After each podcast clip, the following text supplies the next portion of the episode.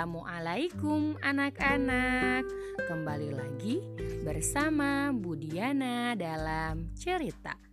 Kali ini dalam episode Hikmah Ibadah Sholat. Part pengertian dan tata cara sholat. Namun sebelum kita mendengarkan materi kali ini Alangkah lebih baiknya kita membaca basmalah terlebih dahulu. Bismillahirrahmanirrahim. Oke, di sini kita akan sedikit membahas tentang pengertian sholat dulu ya.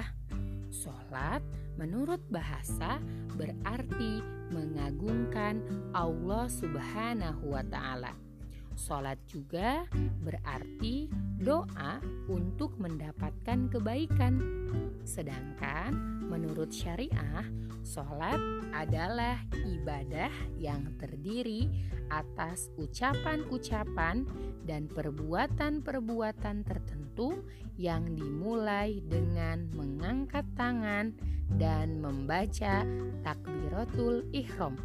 Ada yang tahu gimana doanya? Atau bacaannya ketika kita takbiratul ihram?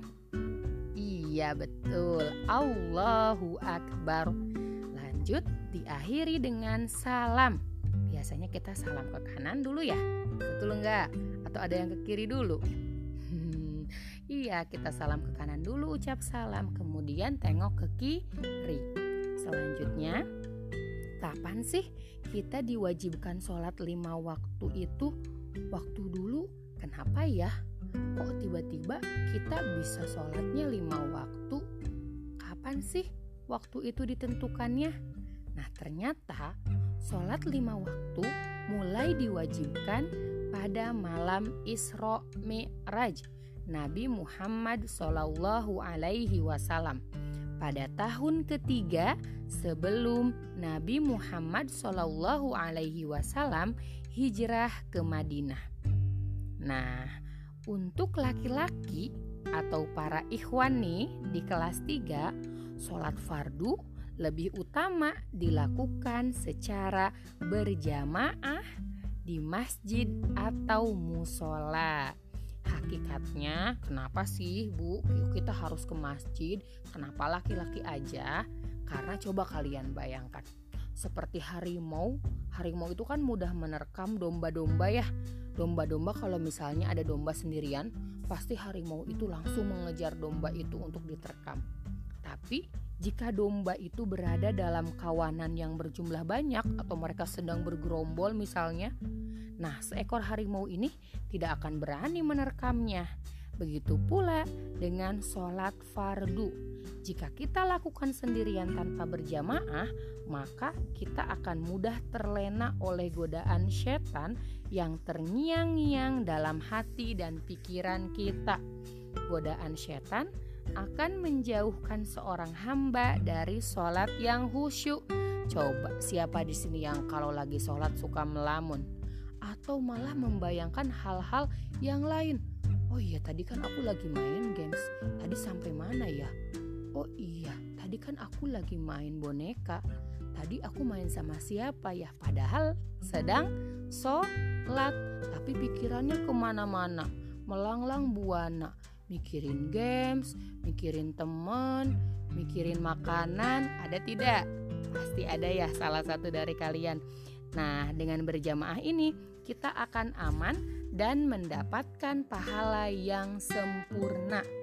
Oleh karena itulah Nabi Muhammad Shallallahu Alaihi Wasallam bersabda, "Sholat jamaah lebih utama daripada sholat sendirian dengan 27 derajat." Hadis riwayat Bukhari dan Muslim. Jadi ketika kita sholatnya berjamaah, pahala kita 27 derajat lebih tinggi daripada kita sholat sendirian untuk perempuan bisa sholat berjamaahnya di rumah masing-masing.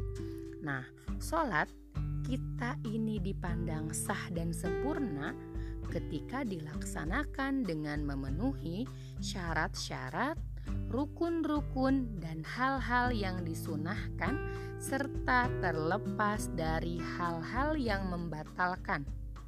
Agar sholat kita menjadi sah, salah satunya kita harus memenuhi syarat-syarat sebagai berikut. Yang pertama, kita mengetahui telah masuknya waktu sholat. Kalau kita nggak tahu, gimana kalau misalnya kita sholat subuh jam 8 pagi? Padahal sholat subuh itu jam berapa ya azannya?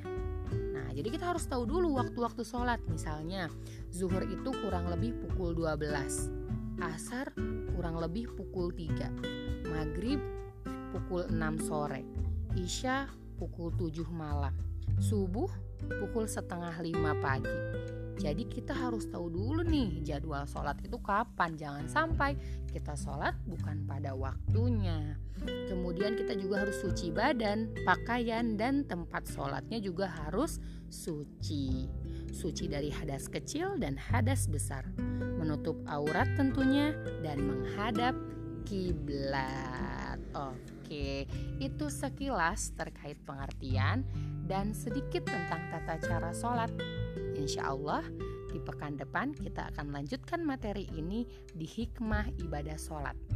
Oke, siap ya mendengarkan nanti? Siap. Oke, sekian dari Bu Diana. Terima kasih banyak untuk perhatiannya. Sampai jumpa di Bu Diana dalam cerita pekan depan. Kita tutup dengan membaca hamdalah bersama-sama. Alhamdulillahirrabbilalamin. See you. Wassalamualaikum warahmatullahi wabarakatuh.